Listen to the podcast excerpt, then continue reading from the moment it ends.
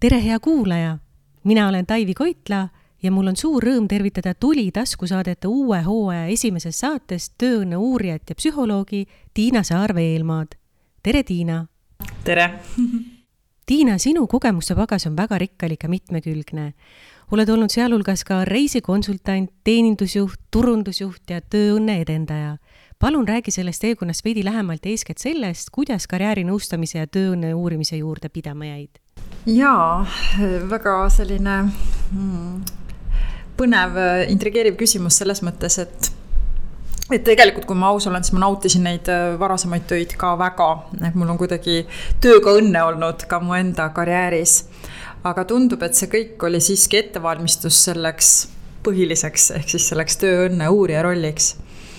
ja ühel hetkel lihtsalt väga mm, hästi asjad sattusid omavahel kokku, et ma olin juba leidnud psühholoogia ja mind siis hakkas rohkem huvitama inimene. et kuidas me inimestena leiame oma kutsumuse ja rajad. ja siis sattusin tööle CV Online'i, kus siis oli see nii-öelda teine osapool ehk see tööandja. ja tema igatsused ja tema vajadused ja kuidagi sealt siis väga sujuvalt äh, tekkis mul see miljoni dollari küsimus, et kas üldse on võimalik olla tööl õnnelik, kas üldse on võimalik leida selliseid organisatsioone, kus ennast teostada ja, ja see ei ole mind siis siiani maha jätnud, see küsimus, nii et mul on olnud au ja võimalus seda siis üle kahekümne aasta niimoodi äh, praktikuna ja ka akadeemiliselt siis uurida ja, ja ja luua igasuguseid vahvaid asju, mis seda siis aitaksid juurde tekitada, seda tööõnne. CV Online'ist äh, sa läksidki pro-eksperti praktiseerimagi reaalselt seda tööõnne avastamist ja inimesteni viimist, et äh, kuidas, kuidas see liikumine siis sealt CV Online'ist sinna aset leidis ja selline väike, väike samm äh, vähe teises suunas või siis samm edasi sai tehtud?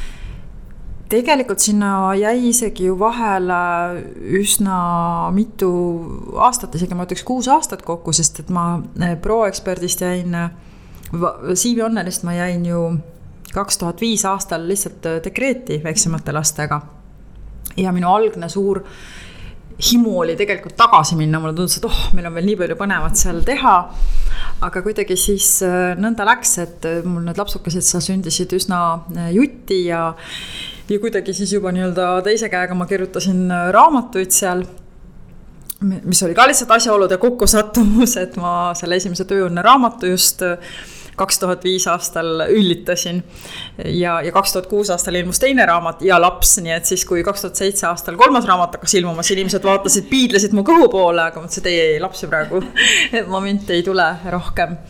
nii et, ähm, et selle hmm, vahepealse perioodiga kuidagi ma justkui muutusin siis nii-öelda selliseks vabakutseliseks karjäärinõustajaks ja selle teema entusiastiks. Ja, ja siis juba oligi sellist äh, nõustamisi ja konverentsi esinemisi ja koolitamist ja et, et see nagu sai kuidagi enam sellist nagu sellist sisu ja, ja värvi juurde kogu see teema, nii et tegelikult pro-eksperti mind lõpuks kutsuti aastal kaks tuhat üksteist ja ma arvan, et see oli nagu väga hää, et et see vahepealne aeg seal oli, sest et ähm, ma siis juba selleks ajaks nagu põhimõtteliselt nagu pakatasin igasugustest mudelitest ja, ja mulle juba tundus, et mul on nagu reaalselt nagu vastuseid ka. ja kui väga aus olla, siis mul tuleb isegi meelde, et mul oli üks hästi suur unistus või võib-olla see unistus on nüüd tänaseks omal moel realiseerunud. aga mul oli selline unistus, et Eestis on ikkagi puudu sellisest väga heast noh, ütleme siis karjääri õppest või, või toest. et need võiks olla umbes sellised nagu kohvipoed, et astud sisse. ja, ja kui sul on siis selline tööalane või eneseteostuse alane küsimus, siis seal on kohe lahke inimene, spetsialist, kes sind nagu aitab ja siis mul oli jah mõte, et ma looksin sellise nagu kaks ühes, et sellise tohutu karjäärikeskuse, mis oleks umbes nagu, ma ei tea, restoran, et on nagu kaks menüüd, et ühes on noh, nagu tavarestoran või kohvik ja kaugtöökohad ja noh, nagu me tänapäeval teame enam-vähem raamatupoe kohvikud. aga teises osas on siis menüüs kõikvõimalikud ähm, äh, teenused, millega inimene saaks äh, oma, oma sellist äh, karjääri ja, ja tööalast edu siis kuidagi avastada ja suunata ja, ja ma olin selle ideega ikka väga pöördes ja ma leidsin maru palju toetajaid, aga ainus, mis puudu oli, oli raha ja, ja isegi sai igasuguseid Euroopa Liidu projekte seal pusitud ja kirjutatud ja hangitud ja kandideeritud igale poole ja siis lõpuks ma mäletan, et lihtsalt väsisin ära, mulle tundus, et nagu mingid uksed on nii kinni, et võib-olla siis ei ole minu aeg. ja kui siis proekspert kutsus, et kuule, aga tule, tule meile, meil on siin vaja sada viiskümmend inseneri õnnelikuks teha, siis ma mõtlesin, et oi, no võib-olla see ongi siis see minu labor mõneks ajaks ja, ja nii läkski aga võtame selle tööõnne juppideks, et kuidas sina seda defineerid ja, ja, ja mis see sinu jaoks tähendab? no see on nüüd teema, millest võiks mitu päeva jutti rääkida, et tegelikult neid mudeleid ja, ja selliseid käsitlusi on väga erinevas sügavuses. Mhm. et noh, kõige lihtsam, mida tegelikult me ju, ju tavakeelepruugis ka armastame kasutada, et sa tahad hommikul minna või millal iganes sul on vaja minna sinna tööle või, või nii-öelda alustada tegutsemist ja, ja sa tahad õhtul koju minna või, või minna tagasi oma eraellu. et selline sujuvus on kindlasti justkui üks ikkagi selline indikaator, noh, millega me kasvõi iseennast saaksime testida. kui minule ka tuleb nõustama inimesi, kes on kuidagi sellise läbipõlemise äärel, siis nagu enamasti on see, et neil on tekkinud vastumeelsus mm. -hmm. Nüüd teadlased on teinud nagu väga huvitavaid avastusi tegelikult selle teema osas ja, ja üks asi, mida ka on korduvalt tõestatud, et tööõnn, õnn äh, oleks äh, siis, kui sa oleksid nõus mingis mõttes sedasama tööd tegema, isegi siis, kui sulle selle eest raha ei maksta. aga noh, see on väga idealistlik, on ju, see kõlab peaaegu nagu absurdsena. Aga see toob siis pinnale selle järgmise sellise üliolulise komponendi, et meil on vaja tunda tähendust. ehk et meil on vaja nagu tunda sügavamat mõtet, et ma lihtsalt mitte ei tee siin niimoodi oma, oma rutiinseid tükke, vaid ma saan aru, kellele ma teen, miks ma teen, kelle elu see paremaks muudab. Et sellise tähenduse ja, ja mõttekuse ähm, osatähtsus on selles tööõnnes väga suur, me võime niisama ka käia, meil võib olla väga noh, nagu paarissuhted võivad olla ju väga erineva vajaduse pealt, eks, me oleme siin lihtsalt, ma ei tea toetame teineteist või sõbrad koos või meil on maru naljakas või või meil on füüsiline tõmme, eks, aga et noh, paarissuhetes ka me ei näe ju, et kõik aspektid võib-olla saab selle ühe partneriga tingimata selles elus realiseeritud ja sama on töökohtadega ka. Aga jah, et kui me otsime seda ideaali, siis äh, tähendus, äh, minu äh, teadustöö tõi välja, et me tahame, et meie tööst või nagu toimetamisest jääks jälg. mammut, midagi, mille üle olla uhke. siis me vajame tunda just sellist peegeldust ja tunnustust et tõepoolest kellegi elu läheb äh, paremaks tänu meile ja, ja see peegeldus minuni ka jõuab. ma näen seda kellegi silmadest. Mis teeb väga raskeks näiteks või noh, väljakutsuvaks ehitada tööõnne tootmisettevõtetesse, kus nad ei näeks oma, oma toodete lõpptarbijat. või ka ütleme kontoritöö, kus ma ei kohtu kunagi kliendi või siis selle meie nii-öelda teenuse toote kasutajaga, täpselt sama lugu ja kolmas, mis minu teadustöö välja tuli, tõi ja mis on iseenesest üsna ka ju lai mõte, aga et me tahaks ikkagi olla võimalikult mina ise. Nii oma tugevustega, oma unistustega, oma ähm, ka nõrkustega siis sinna justkui ära mahtuda. ja, ja siis me peame küsima, et kes see inimene siis üldse on või milline mina siis olen, et kes see mina olen, kes peab kuhugi nagu ära mahtuma. ja, ja me kah paraku tuleme sellisest haridusajaloost, kus meil ei ole sellist ainet, eks ole, et kes sa, kes sa oled ja mida sa selles elus teha tahad. ehk et see on pigem väga eksklusiivne, kui meil on olnud võimalus nagu iseendasse vaadata ja, ja siis nagu vabalt uurida, et ahah, et kes see mina siis olen, mis on mu unistused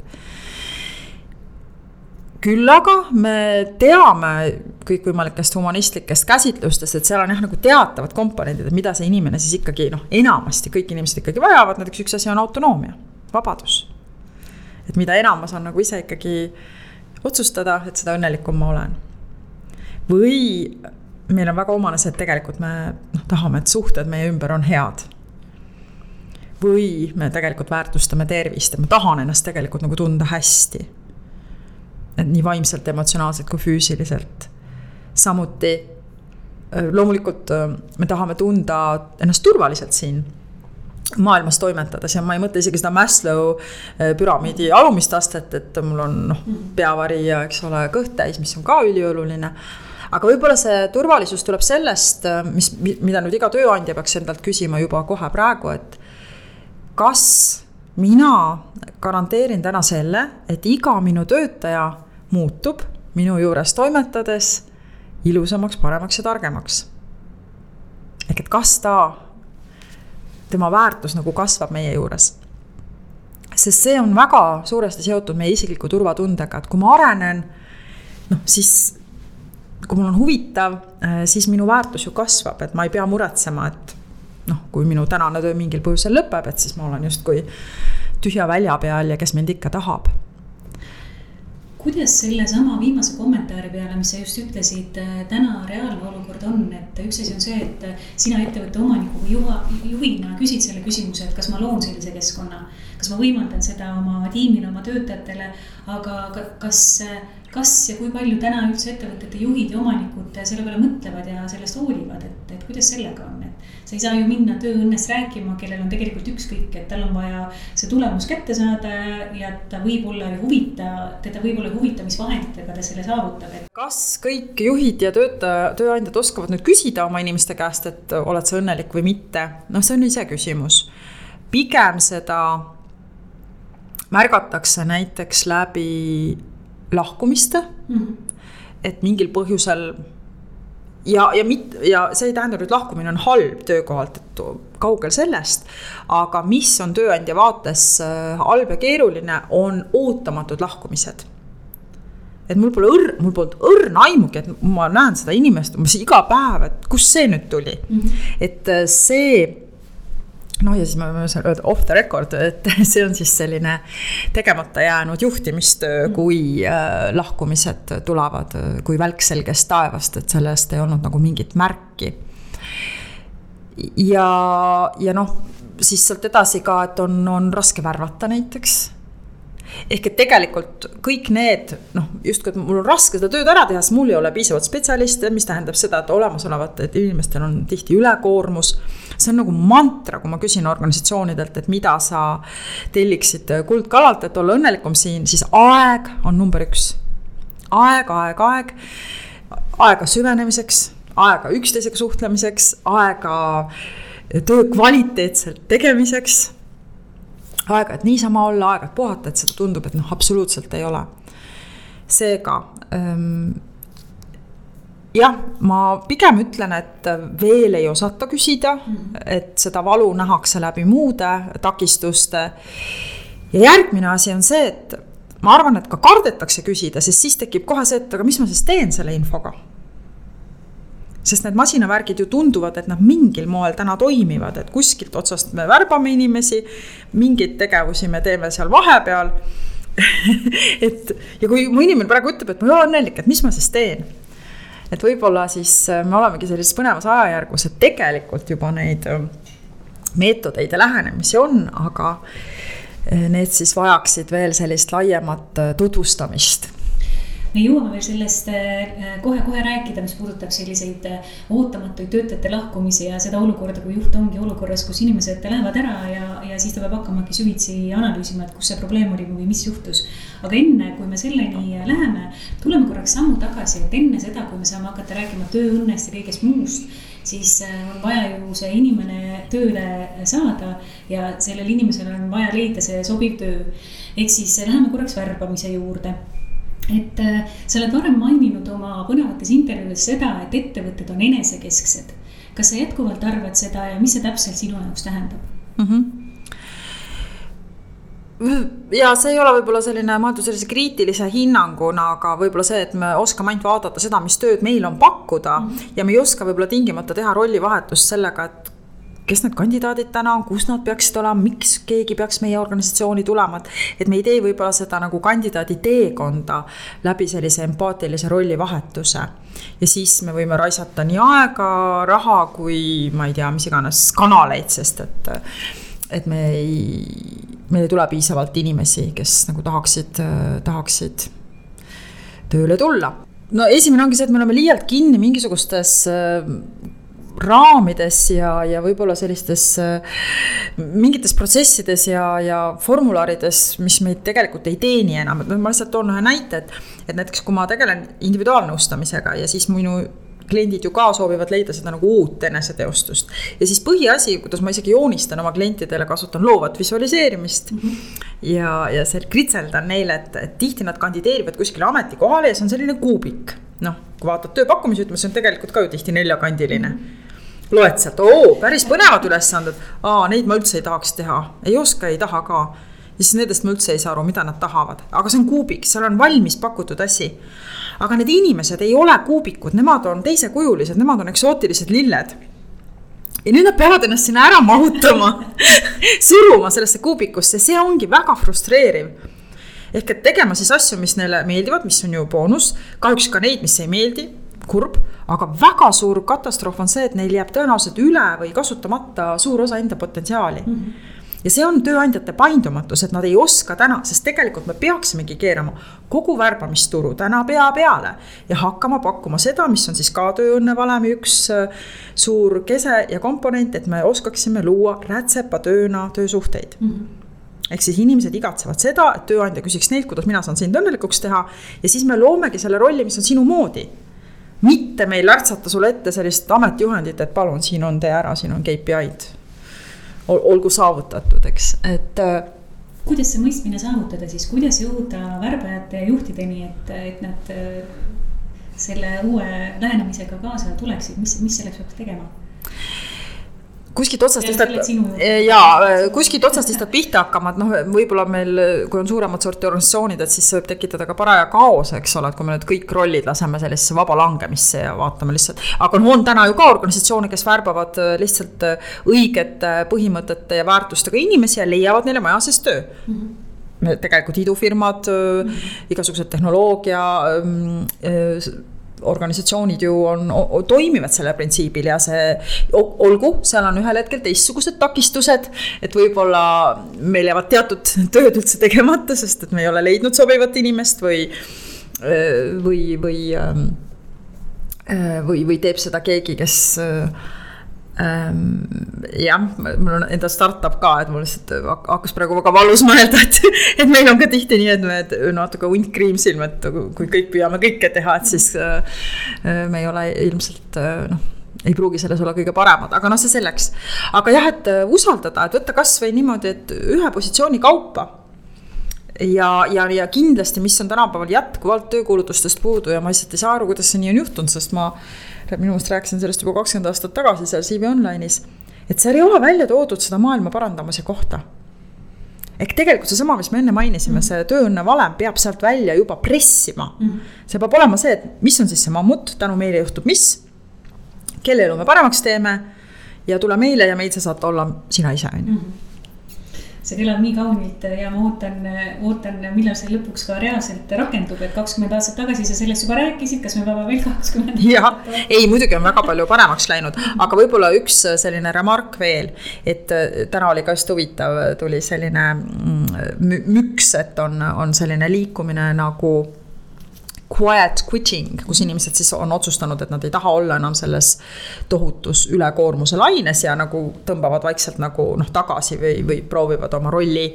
ja tööaja piires teha, eks ole, asju ära, et, et, et vältida nagu noh, läbipõlemist. ja, ja see on ka tõsi tänapäeval, et me ei peaks eeldama, et inimesed tulevad meile tööle, nüüd nad on siin korralikud töötajad ja siis teevad ja teevad ja teevad ja teevad. ei, neil on oma elu ka, neil on unistused mm. -hmm. et ma ei tea, võib-olla kuulaja on mõelnud selle üle, aga võib-olla ei ole ka, siis ma ütlen teile, et ma olen väga paljudes organisatsioonides teinud seda harjutust ja indiviidi, indiviididega ka.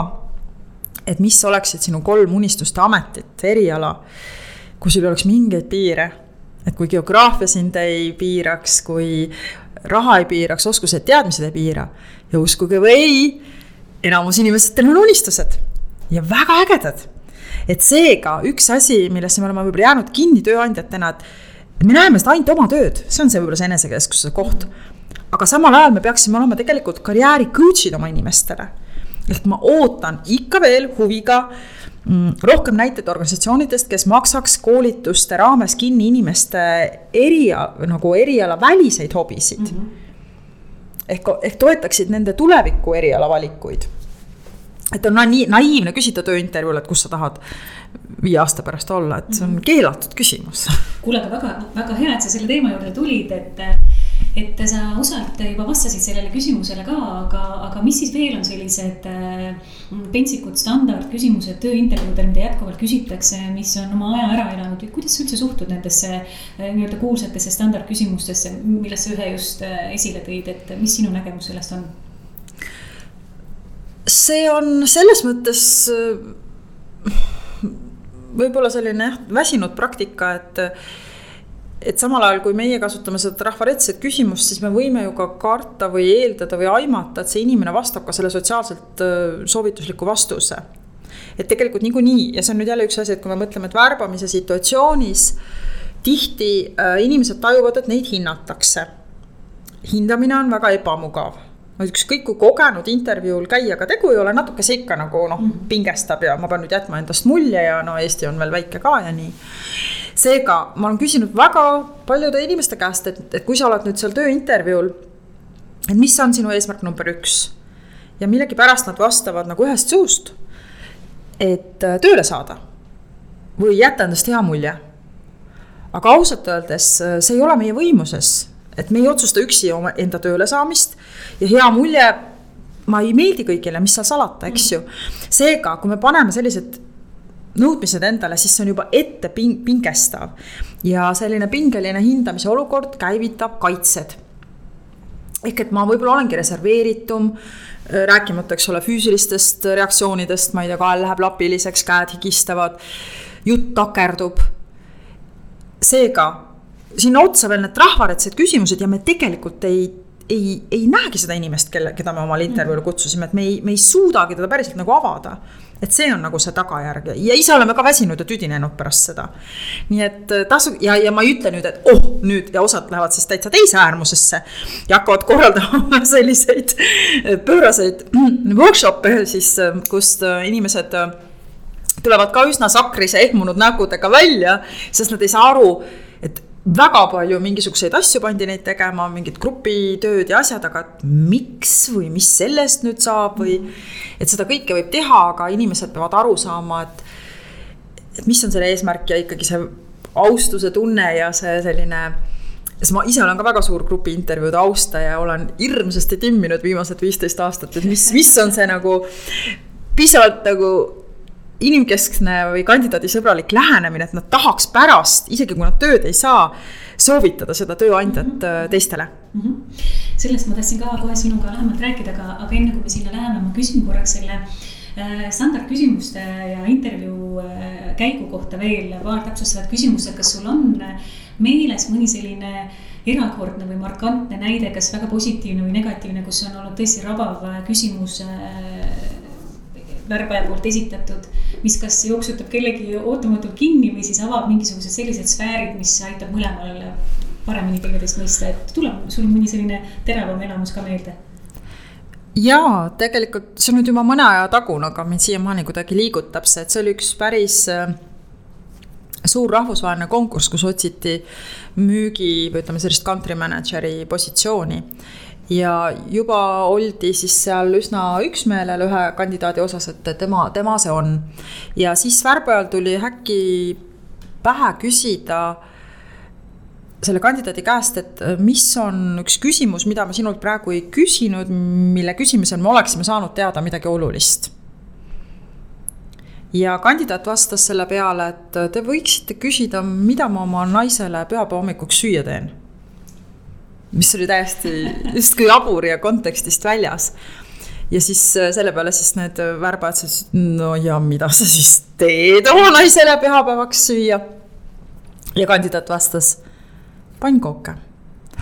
aga see oli nüüd sellepärast väga huvitav ähm, selline murdepunkt, et tegelikult nad olid peaaegu juba noh, tahtsid ju kätt lüüa selle või sõlmida lepingut selle inimesega või teha talle pakkumine.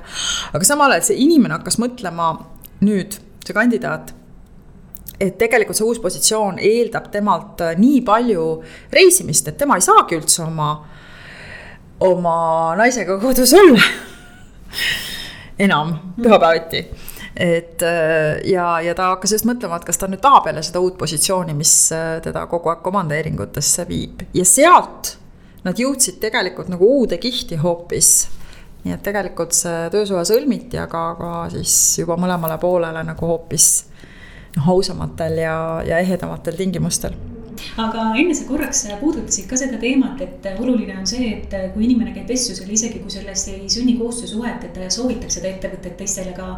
Et kuidas siis selleni jõuda, et kuidas need intervjuud või, või suhted värbajate ja potentsiaalsete töö äh, saajate vahel viia sinna, et, et ka see, kes ei jõua koostöösuhteni, äh, meenutab seda pigem positiivselt, et mis need imenipid ja võlukepikesed siin on?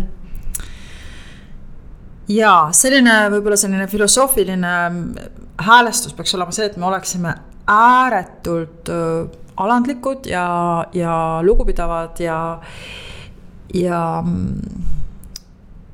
ma ei tea, mis need kõik need ilusad sõnad veel eesti keeles võiks olla. Kõikide nende inimeste vastu, kes meie organisatsioonile, organisatsiooni suhtes huvi näitavad. Et seda ei tasu alahinnata, et noh, tänapäeval ikkagi meil on ju näited, et inimesed ka kirjutavad organisatsiooni, otsivad otsekoostööd ja ei saa vastust. Mm -hmm. või kandideerivad ja ei saa vastust. Mm, -hmm. et no ma ei tea ma võin kõigest aru saada, et seal organisatsioonis ei ole võib-olla asjad hästi korraldatud, võib-olla ei ole seal, ma ei tea, personaliinimest, võib-olla on kohutavalt kiire, aga no mis sõnumi see sellele inimesele siis jätab mm. -hmm. ja kahjuks noh, negatiivne levib kümme korda kiiremini kui positiivne, eks. seega, et et võib-olla kõigepealt see nagu mõtteviisi teema, et me oleksime ülimalt austavad, lugupidavad ja alandlikud kõikide inimeste suhtes, kes meie organisatsiooni poole pöörduvad.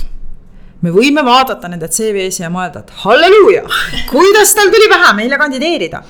aga see ei loe et me jumala eest ei läheks nüüd seda teed, et me ilgume, naljatleme seal, eks ole, selle üle ja mõtleme, et ha-ha-ha, on ju. me ei ole kalal seal, me ei, me ei õngitse, et oo, saaks nüüd, eks ole, kõige selle parema inimese kõige odavama raha eest, eks ole, ostetud sisse. vaid et äh, me ei tunne inimesi ja mina peaks sulle ütlema seda, et CV ei näita kunagi nagu seda täit tõde et see on mul ka üks olnud üks väga suur nagu selline vapustus, et, et teen inimesega kahetunnise äh, sellise süva kohtumise, intervjuu, eks ole, karjääriteemadel ja, ja kuulen kõigest, mis ta on õppinud, teinud, mis ta unistused ja mõtted on ja siis ühel hetkel näen tema CV-d ja siis mul tekib küsimus, et kes see veel siin on, et need kaks inimest ei lähe nagu üldse kokku mm. -hmm. nii et inimesed on nagu üllatusmunad. nüüd, kui nad on meil juba seal, eks ole, ja me oleme austavad ja lugupidavad ja, ja, ja heatahtlikud, eks, siis äh, me peame mõtlema ka selle üle, et, et kui nüüd praegu mingil põhjusel ta ei ei ole siis noh, täit sobivust tema ja selle positsiooni vahel, selles ei ole midagi hullu. aga inimesed on arenemisvõimelised, nad liiguvad edasi ja me kunagi ei tea. et võib-olla poole aasta pärast, aasta pärast mul on just seda vaja või vähe sellest, mul on vaja tema ühte kolleegi või mul on vaja tema sõpra, et, et, et selline lahkus, et see tunne peaks olema see, et nagu ma võtaks vastu kalleid külalisi. No vot, ja siis ma arvan, et see annab juba õige võtme kätte, seega loomulikult ma kohtlen kõiki suurepäraselt ja kui ma olen siis selle enda klapi seal ära teinud, siis ma olen kohustatud tegelikult andma tagasisidet ka nendele teistele, kellega ma kohtusin noh, ma ei ütle, et me peaksime nüüd kõigile nii-öelda kirjavahetuse põhjal suutma anda sellist äh, tohutut tagasisidet, aga kohtumine kindlasti peaks päädima äh, siis äh, sellise mitte nüüd jälle sellise trahvaretse kirjaga, et täna nad kandideerisid, aga kahjuks ei osutunud valituks. aga midagi sisulist, mis seda inimest nagu päriselt kõnetab, noh, kui vähegi võimalik, mina ehitan kõik värbamisprotsessid nii üles, et ma kogun iga inimese kohta positiivseid aspekte, mis mulle väga-väga meeldivad ja ma peegeldan neile neid tagasi ja siis toon ka selle, noh, mida siis nüüd täpselt otsiti või mida ei mida, mida selles inimeses me nagu esimese hooga ei leidnud või mis oli kelleski parem. nii et jaa, et selline personaalne tagasiside on üks üks asi, mis paneb inimesed hiljem soovitama mm. -hmm. ja küsida ka nende käest, et äh, mis neile meeldis, andku tagasisidet, mida saaks värbamisprotsessis parandada. see peab olema imelis, et äh, praktikas see veel nii hästi ei toimi äh, mujal ettevõtetes, aga, aga loodame parimat. sa enne mainisid sellist terminit nagu quiet quitting. sa oled toonud välja lisaks läbipõlemisele ka sellise põneva termi, termini nagu pour out ehk siis töötüdimused, räägi natukene sellest ka palun. ja seal on no kui me manaksime endale silme ette sellise tööõnneskaala, et, et, et kas on olemas ka selline mõõdetav, et noh, seal ühes otsas võib olla siis miinusmärk ja teises otsas, eks ole, plussmärk ja, ja plussmärk ongi siis noh, see ideaal justkui, et kui ma saaks valida vabalt eh, ilma, ilma piirangut, et, et loomulikult see teeks meid kõige õnnelikumaks. aga tore muidugi on, et, et kui see meie tööelu siis eh, on vähemalt nii-öelda nullist siis sinna plusspoolele see board out, ütleme, töötüdimus tuleb kõne alla siis, kui me tunneme, et äh, see ei ole isegi neutraalne. vaid mingil põhjusel ma olen nagu kukkunud sinna miinusesse. et siis äh, see on üks peamisi põhjuseid, et inimesed on väsinud teatud kordustest, mis see töö nagu tekitab neile. ja ma väga tükk aega ikkagi nagu proovisin nagu jälile saada, et, et see ei ole ju võimalik, et ma ei tea, noh, sellised väga mm, ütleme siis mainekate ametikohtadel olevad inimesed või väga pika väljaõppega, missiooniga erialade inimesed nüüd läbi põleks või, või töö tüdineks. aga paraku see on nii, et õpetaja võib tüdineda, arst võib tüdineda, teadlane võib tüdineda ja siis see lihtsalt juhtub ja, ja selles mõttes see siis lõpuks enam ei erine sellest läbipõlemisest, sest äh, selle inimese jaoks see on selline eksistentsiaalne krahh ikkagi, et noh, tema nagu selline minapildi kaotus, sest me veedame ju tegelikult tööl maru palju aega. ja, ja oma ärkveloleku aja suuresti me seal olemegi, eks räägime job crafting ust ja arenguvestlustest ka, et, et job crafting on väga põnev teema, mida sa oled ka varem käsitlenud, et võta korraks see lühidalt pulkadeks ja arenguvestluste osas võib-olla nii palju, et et siin Covidi järgselt on unustatud ära mingisugused rütmid ja tähelepanud inimestele.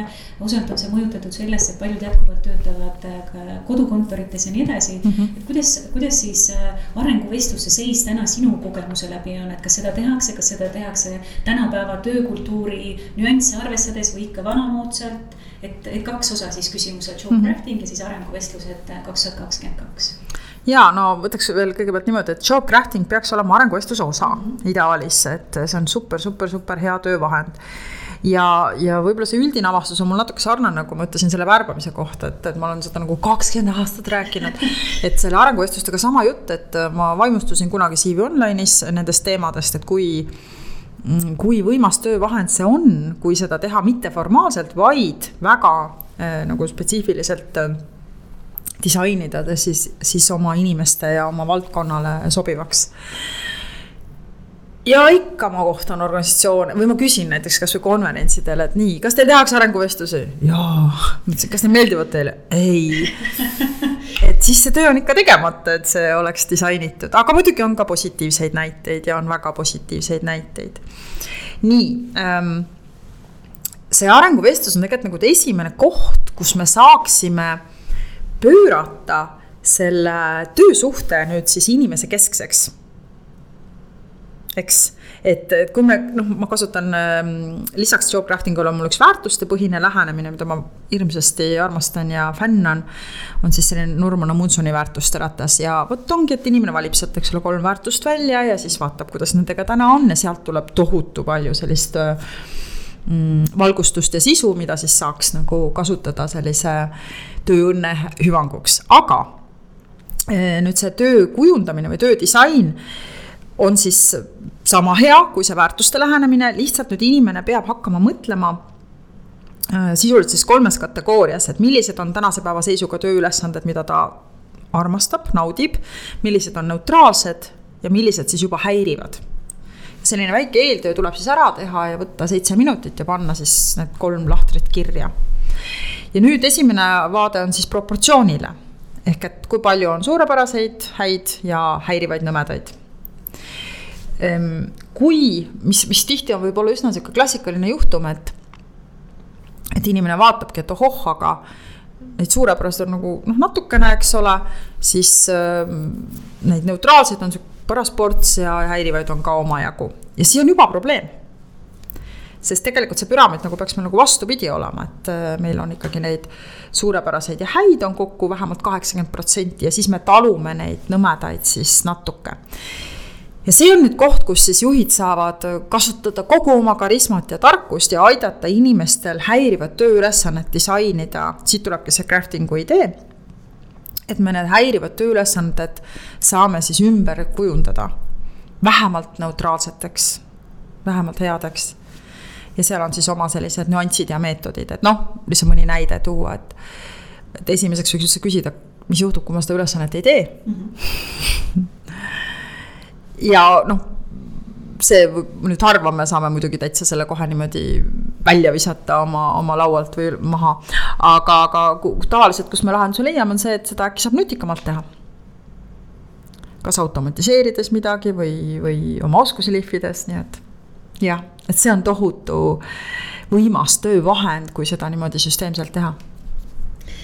Läheme äh, selle koleda looma juurde nagu Covid ja Covid murdis, muutis ja õpetas üle maailma paljudele äh, igasuguseid asju.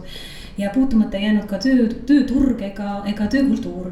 ja kui rääkida näiteks USA näitel, siis möödunud aasta seisuga oli üle neljakümne seitsme miljoni inimese, kes lihtsalt äh, ei läinud enam tööle tagasi ja siis äh, nimetus on ka, paljud on kindlasti sellest kuulnud, on siis The Great Resignation ja põhjuseks toodi siis äh, nii paindumatust, äh, töökultuuri ja, ja, ja igasuguseid muid huvitavaid äh, ja vähem huvitavaid nüansse, et kompensatsioonide puudus ja, ja aeg ja kõik muud säärased et sina sellise väga kirgliku ja aktiivse konsultandi, psühholoogi, õpetaja, koolitajana, et mida sina oled tähele pannud, kuidas see pandeemia on mõjutanud Eesti tööturgu ja töökliimat ja milliste suurte väljakutsetega on seisnud mõlemad osapooled äh, nüüd silmitsi ja, ja, ja kas nad on saanud mingisuguseid vastuseid oma küsimustele, et mis, mis, mis tulemused Eestis on võrreldes selle kirjeldatud meeletu lahkumislainega USA-s? Jah, me võib-olla Eestis ei saa öelda, et meil on mingi suur lahkumislaine äh, olnud, aga selliseid sarnaseid ähm, mustreid me näeme siin ka, et esiteks selles mõttes oli tõesti väga õpetlik, et kõik need organisatsioonid, kes olid siiamaani arvanud, et mis kodus töötamine ja kõik peavad ikkagi silma all istuma ja olema ja, ja nii-öelda kontoris, et nad pidid ju oma äh, oma võimalused ja oma põhimõtted ümber hindama ja avastasid tõepoolest, et ohoo täitsa, täitsa tehtav, eks ole. aga see ei olnud nüüd ainult selline eh, mõnus ja mugav eh, noh, uus viis, et igaüks siis töötab oma kodus, siis hakkasidki tulema nagu uued küsimused. kodud on väga erinevad. noh, mida see Covidki näitas, et osadel oligi see, et tal oli samal ajal vaja siis ju terve pere veel seal hallata, eh, lapsed lohutada e, e-koolitada, eks ole, ühe käega süüa teha. ja siis nüüd tuligi välja selline asi, et, et kui palju meil on siis seda nii-öelda nagu tiimi empaatiat, et kui palju meil on nagu võimekust aru saada, et kuidas inimestel päriselt nüüd läheb, sest me ei näe ka enam neid, nüüd nad on kodudes, eks ole. ja, ja siis äh, võitsid need organisatsioonid, kes siis nagu väga-väga hoolivalt küsisid oma inimeste käest, et äh, kuidas teil noh, kuidas teil nüüd läheb, et nad saavad küsida äh, sest et ähm, oli ka väga palju selliseid krahhe ja läbipõlemist ja, ja hoopis nagu noh teist, teistsuguseid probleeme kui ütleme töökohal. et see, et inimesed pidid seal kodudes nagu tihti üksi hakkama saama aga, aga siis tuli ka igasuguseid niisuguseid nupukaid lahendusi, et osad organisatsioonid kehtestasid siesta keset päeva, et inimesed saaks kaks tundi aega ja siis oma pere seal niimoodi lohutada ja päästa. siis hakati nuputama asemele, et olgu, kui me ei kohtu enam füüsiliselt, kas on, kas see fika, nii-öelda kohvipaus koos teiste inimestega saab toimuda ka Zoom'is siis igasuguseid muid rituaale minagi hakkasin koolitama, et kuidas siis nii-öelda kaugtöö korras hoida häid suhteid, teha ikkagi need um, oma tegemised läbipaistvaks.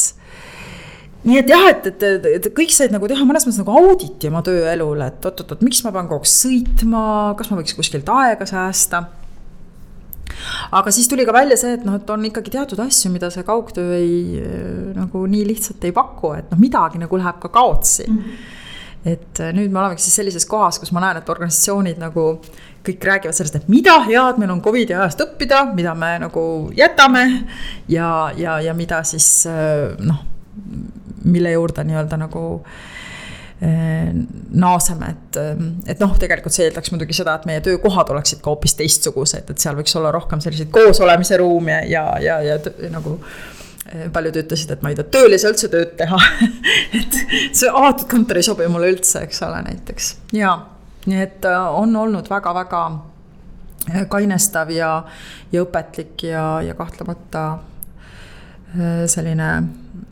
omamoodi aeg. Ja mis, see oli ka üks päris armas lugu, et, et ma andsin, näed, IKEA tuli nüüd, eks ole, siin hooga Eestisse, aga aga ma andsin siis IKEA palvel, tegime sellise videoklipi, et kuidas nagu kodukontoris ellu jääda. Mm.. et noh, et need kodud ei olnud ju ka disainitud kodukontoriteks. nii et jah, palju uusi teemasid, millele mõelda Tiina, ma tahaksin sinuga tundide kaupa rääkida, aga kuna ma tean, et kultuurisündmused pressivad peale, et me peame hakkama võtma oma vestlust juba kokku. ma kujutan ette, et meie kuulajad ka nutavad praegu krokodillipisaraid, et see nii ruttu otsa saab, aga aga veel lõpetuseks mõned küsimused, et, et seesama raamat, mida sa enne mainisid, kaks tuhat viis andsid välja Tööga õnnelikuks, eks? või see oli teine raamat? Jaa, laias laastus ikka jah, see oli esimest korda. õnnelikuks raamat siis sel aastal sai olulise täienduse, mis see oluline täiendus siis oli, mis sellele mm -hmm. raamatule juurde tuli, et mis sa, mis sa sinna juurde lisasid? ütleme nii, et kokku mul on ilmunud seitse raamatut, eks, ja see oli nüüd seitsmes. aga see, mida me nüüd oluliselt täiendasime, see oli siis äh, ilmunud viimati aastal kaks tuhat kuusteist. ja koosnes see siis kõikidest äh, tuumakamatest ja rammusamatest äh, uuringutest, mis on siis tööõnne vallas tehtud, väga praktilistest harjutustest, mida inimesed saavad siis ka ise teha, et oma isiklikku tööõnne kujundada ja siis sekka sinna selliseid innustavaid äh, päris inimeste päris lugusid. mis siis võib-olla ühe või teise äh, teema nii-öelda nagu selgituseks sobivad. Aga nüüd, mis siis juhtus, oli see, et raamat müüdi läbi ja kui kirjastus äh, mulle ütles, et mis sa arvad, et, et kas sa vaatad üle ja parandad seal mõne daatumi ära ja niimoodi, et, et noh, anname uue, uue siis versiooni välja ja, ja, ja siis noh, mõte ka, et mul olid ju intervjuud seal sees inimestega. et äh, siis ma hakkasin nagu vaatama, siis ma sain aru, et oi-oi, et kuue aastaga on äh, nagu ikkagi väga palju muutunud mm. -hmm. et uskumatu, ma ütleks kohe ja nende inimeste eludes oli meeletult palju muutunud, nii et ma olin täiesti nagu selline laps keset üllatusmunasid, et ma muudkui avasin neid lugusid ja siis äh, sain aru, et jaa et uh, uskumatu ja võib-olla see mõnes mõttes nagu Tiina Kaalapki tabavalt ütles, et see on nagu sihuke ajakirjanduslik eksperiment mm. -hmm et noh, et me ei teadnud ju ette, et mul on võimalik kuus aastat hiljem nende inimeste käest küsida, et ja kuidas nüüd teie elu ja õnnega läheb ehk siis need inimesed, kes kaks tuhat kuusteist ostsid sinu raamatu, peaksid nüüd minema seda uut raamatut endale soetama, sellepärast et seal on juba täiendusi ja selliseid, mis viivad nad järgmisele tasemele, et. et ei ole lihtsalt paar kommentaari tuli juurde, et, et väga korralikud uued lisandid ja kokkuvõtted said sinna sisse. absoluutselt või vähemalt äh, raamatupoes äh, salaja lugema neid täiendusi väga hea. Ähm, ma tean, et sinu suur kirg, sa oled väga äh, mitmekülgsete huvidega, et on ka luuletamine. millal siis sinu luuleraamat ilmub? oi, see on nihuke haavatavaks tegev küsimus, et, et äh, ma ei ole oma karjäärinõustajaga veel rääkinud sellest ja ma jaa, ei loomulikult äh, see on asi, mida ma väga armastan, ma just praegu punastan isegi. et see on asi, mida ma väga armastan. ja tegelikult igaüks võiks öelda, et noh, raamatu väljaandmine ei ole teab mis äh, suur asi, aga ma vist olen jah, selles suhtes natukene olnud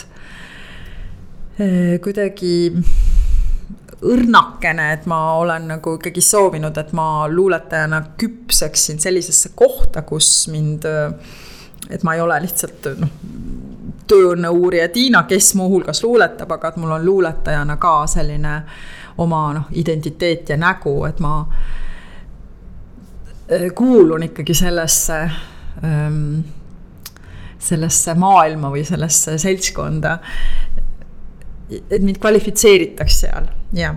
ja, ja ilmselt sellepärast see on nii palju aega võtnud ja nüüd ma ei oskagi sulle lubada, et ma muidu ise arvasin, et see tuleb sel aastal välja, vaatame. vaatame, ootame äh, lõpetuseks küsin ka sellise teema kohta, mis sa mainisid siin alguses startup'i kontekstis, et, et on selline talendi juhtimise platvorm nagu Happy Me. mis see siis täpsemalt on, kellele see on mõeldud ja miks see eksisteerib? Jaa, Happy Me on selline äh, täiesti nagu super töövahend, mis idee, idee poolest nüüd võtab kokku kõik selle tööõnnega seonduva tarkuse, sest tihti mm, väga paljud organisatsioonid, juhid, personalijuhid, tippspetsialistid ju nõustuvad sellega, et noh, et kui kui me teeme asju õigesti, hoolime oma inimestest, loomulikult kõik nagu laabub et me võime sellest rääkida, aga tihti tekib küsimus, et noh, aga kuidas ja, ja, ja see Happy Me mõte siis ongi pakkuda selline väga äh, praktiline platvorm selleks, et me esiteks saame üldse mõõta ja näpu peale sellele, et mis muutmist vajab näiteks rahulolu uuringud on täiesti katastroof, ärge palun neid tehke. sest need on, need on üheksakümnendad või kuuekümnendad. Äh, sa küsid tohutu palju asju, saad tohutud nagu raportid ja siis mis siis edasi saab, on ju ja siis äh, teed, äh, ma ei tea, mõne aasta pärast uuesti, inimesed on häiritud, et noh, mis te küsite kogu aeg, et nad ei tunne, et midagi muutuks. et noh, see on üks asi, et vähem on rohkem, et otsiks välja selle, mis nagu päriselt, päriselt, päriselt vajab muutmist ja seda Happy Me teeb. ja teine, mis meil on ilmselt õnnestunud äh, seal ähm, sellise targa tehisintellektiga väga hästi ära lahendada, et inimesed saavad ise ka näpu peale, et millal siis õigupoolest hakkab see nii-öelda board out või see töötüdimus kas see on lihtsalt nagu ajutine või on põhjust nagu tõesti noh, et ongi nüüd frustratsioon. et me saame nagu ennetada neid mõttetuid lahkumisi või saame ennetada sellist, et kogu see töökultuur muutuks kas siis nüüd negatiivseks või suisa mürgiseks või väsiks või, või suisa hakkaks nagu inimeste tervise peale. et sellistest väga lihtsatest, mõnusatest, intuitiivsetest plokkidest see koosneb oleme avastanud viimase kuue aastaga, et inimesed super hästi tahavad seda täita, et meil täitmise protsent on üheksakümmend üheksa. ja vähe sellest, me siis kaasame inimesed ka organisatsiooni juhtimisse või sinna disaini, et inimesed saavad ise kaasa lüüa nende muudatuste ellukutsumisel.